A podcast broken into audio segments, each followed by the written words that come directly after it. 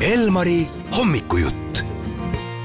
täna hommikul on Elmaril väga hea meel öelda tere hommikust tele- ja raadioajakirjanikule, heale kolleegile Neeme Rauale, tere Neeme! tere hommikust! kas sa oled hommikuinimene, kas sa jaksad jälgida seda, mida näiteks meedia hommikuti teeb? ei ole tegelikult hommikuinimene ja ma kuidagi olen äh, saanud oma hommikud tagasi endale, et ma saan kodus rahulikumalt toimetada, et hommikuajakirjandust ma olen teinud nii palju ja eriti New Yorgi aastatel, kui Eestiga oli ajavahes, mu päevad algasid kell viis hommikul tavaliselt. et äh, Eestis oli siis juba kell kaksteist päeval, toimetusest helistati, alustati ja pidi hakkama ennast juba lainele seadma, aga nüüd hakkasid äh, meil siin Kanal kahes hommikuprogrammid ja ma püüan neid natuke nõu ja jõuga aidata, et sel eeloleval nädalal sõidan näiteks Brüsselisse Euroopa Ülemkogule, kus otsustatakse ikkagi ajalooliselt, mida Euroopa ja kui suures ulatuses siis Ukrainale annab ja kas Ungari blokeerib seda mingil määral, et siis sealt tuleb teha varahommikul otselülitusi Tallinnasse Kanal kahe telehommikusse, aga üldiselt ma püüan hommikuid kuidagi endal hoida et ma saaksin rahulikult vaadata läbi lehed, Ameerika lehed, Briti lehti olen hakanud lugema,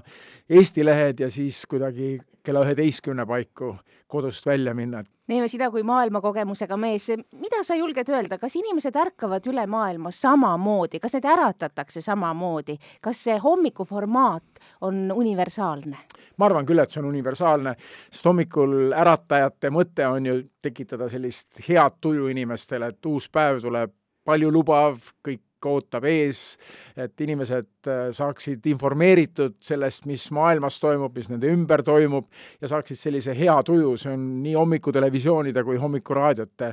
eesmärk, aga minu jaoks on kõige olulisem hommikute juures see, et ma oleksin välja puhanud, sest et ma ikkagi aastaid kannatasin sellise unetuse käes ja võib-olla hommikusele kuulajale ka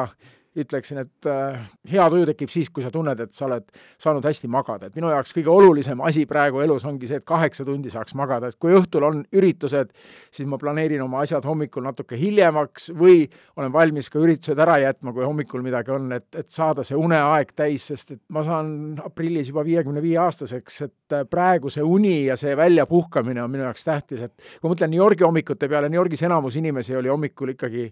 väsinud ja siis, kui sa elad päevast päeva sellise unevõlaga ja ka Eestis on elu ju ikkagi paljudel väga kiire ja, ja toimekas, et, et see hakkab ühel hetkel häirima ja see segab hommikuid, segab päevi, nii et äh, hommikul tahaks kõigile kuulajatele öelda, et loodan, et te olete läinud ööl hästi maganud kuidas sa suhtud sellesse, et nagu sa ütlesid ka, et sul meeldib hommikuid endale hoida, et inimesed äh, peavad näiteks sotsiaalmeedia, meediapaastu või lihtsalt nutiseadmete paastu? nutiseadmetega on nii, et äh, ma jätan kodus omal nutiseadmed kõik elutuppa, magamistuppa neid kaasa ei võta juba pikka aega, et, et ma öösiti vähemalt ei kuuleks, kui keegi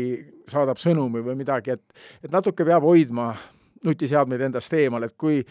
noh, see oli ka jälle selle uudisteajakirjaniku elu osa, et sul olid pidevalt kõik seadmed sisse lülitatud, televiisor märgis mul New Yorgis aastaid kakskümmend neli tundi, seitse, kui ma kodus olin, kogu aeg CNN jooksis, et äkki midagi maailmas juhtub. siis ma sain ühel hetkel aru, et no ma ei pea kuulajale teatama või vaatajale teatama Eestis sekundi pealt, sekund hiljem, et maailmas midagi juhtub, midagi ei juhtu, kui ma teen seda mõned tunnid hiljem ja siis äh, mida aeg edasi, sain ma aru, et ma ei pea ise ka kõigega kursis olema nagu sekundi pealt, et võtan omale aega, võtan omale pause ja et ei pea olema mul padja kõrval telefon, mis öösel kell neli kuskilt maailmast tuleb mõni sõnum, mind üles äratab ja rikub kogu selle ilusa une ära. räägime ka telesaates Täistund, mis praegu on väikesel puhkusel, aga ma olen absoluutselt kindel, et eeltööd juba algavaks hooajaks käivad. mis äh, sind selle saate juures köidab? no selle saate juures köidab see, et meil on äh, kuus erinevat ajakirjanikku, kellel on kõigil erinev nägemus lugudest, mida nad tahavad jutustada. mind huvitab just siduda Eestit maailmaga, see on ka mu Kuku saate üks eesmärk laupäeva hommikuti, näidata, et Eesti on küll tore ja suur ja meie elu keskus siin, aga me oleme ikkagi osa suurest maailmast ja maailmakaardil oleme me üsna väikesed. nii et, et leida neid sidemeid, aga täistunni jooksul ma olengi püüdnud võib-olla leida teemasid, mis ei ole nii päevakajalised, näiteks asjade roll meie elus. Aga nüüd äh, kevadhooajaks meie saated algavad viiendast märtsist uuesti, on meil just praegu ettevalmistamisel lugu väga huvitaval teemal, meeste iluoperatsioonid. lugesin just äh, ühest äh, suurest maailma meeste ajakirjast ja see ei ole gei ajakiri, see on lihtsalt selline eduka mehe ajakiri, et iluoperatsioonid New Yorgis ja Londonis ja Ladina-Ameerikas ja Moskvaski on muutunud üsna tavapärasteks, nii et me käisime just eelmisel nädalal Pariisis uurimas, kuidas Prantsuse mehed sellesse suhtuvad. Ja nüüd siis tahame küsida, mida Eesti mehed sellesse suhtuvad, et New Yorgis oli Wall Streetil vahepeal selline tendents, et kõik tahtsid oma lõugu natuke kandilisemateks muuta, et olla nagu sellised otsusekindlamad juhid. Ja seal on see kuidagi väga tavaline, et ka mehed käivad ja natuke turgutavad oma nägusid, et mida Eesti mehed kõigest sellest arvavad, sest et äh, see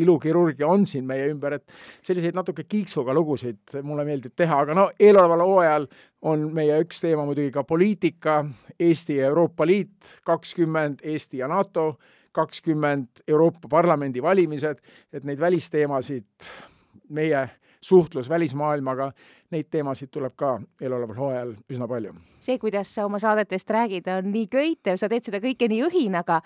mulle tundub, et sa naudid seda täiega, aga kas on veel midagi, mida sa näed, mida muja, võib-olla mujal maailmas tehakse, aga näed, Eestis veel ei tehta ja tahaks ka no ma ei oska öelda, Eestis me teeme ikka kõiki asju, kõiki asju, mis mujal maailmas tehakse, ei peagi Eestis tegema minu meelest. et kui me mõtleme näiteks Pariisis või Londonis jalutades, et oi, et näete, siin on niimoodi, aga meil seda ei ole, siis no meil ongi kõik natuke teistmoodi, meil on natukene vaiksem ja rahulikum kõik, et me ei peagi olema täpselt muu maailma koopia. Mika Keranen, kirjanik, ütles mulle, et äh, ta naudib Tartus eelkõige seda, et siin on ajal teine mõõde ja iga kord, kui ma Tartusse tulen, siis ma mõtlengi, et kui tore, et siin saab ka Tallinnaga võrreldes aega võtta, et siin ei pea kiirustama. et Eestis, ma arvan, meie elu võlu ongi see, et kõik on meil natuke väiksem, et meil on aega rohkem, et me ei peagi olema selles New Yorgi või Londoni rütmis, et tore on küll mõelda, et Tallinn on ka maailmalinn, väike maailmalinn, aga ja Tartu ka nüüd, Euroopa kultuuripealinn lausa ju. et me ei peagi muust maailmast kõike endale siia ahmima, sest kõike seda tuleb, aga me siis saame valida endale selle parema. suur aitäh, Jan Eeme, et sa täna ka Elmari jaoks aega leidsid ja uute kohtumisteni! uute kohtumisteni kindlasti!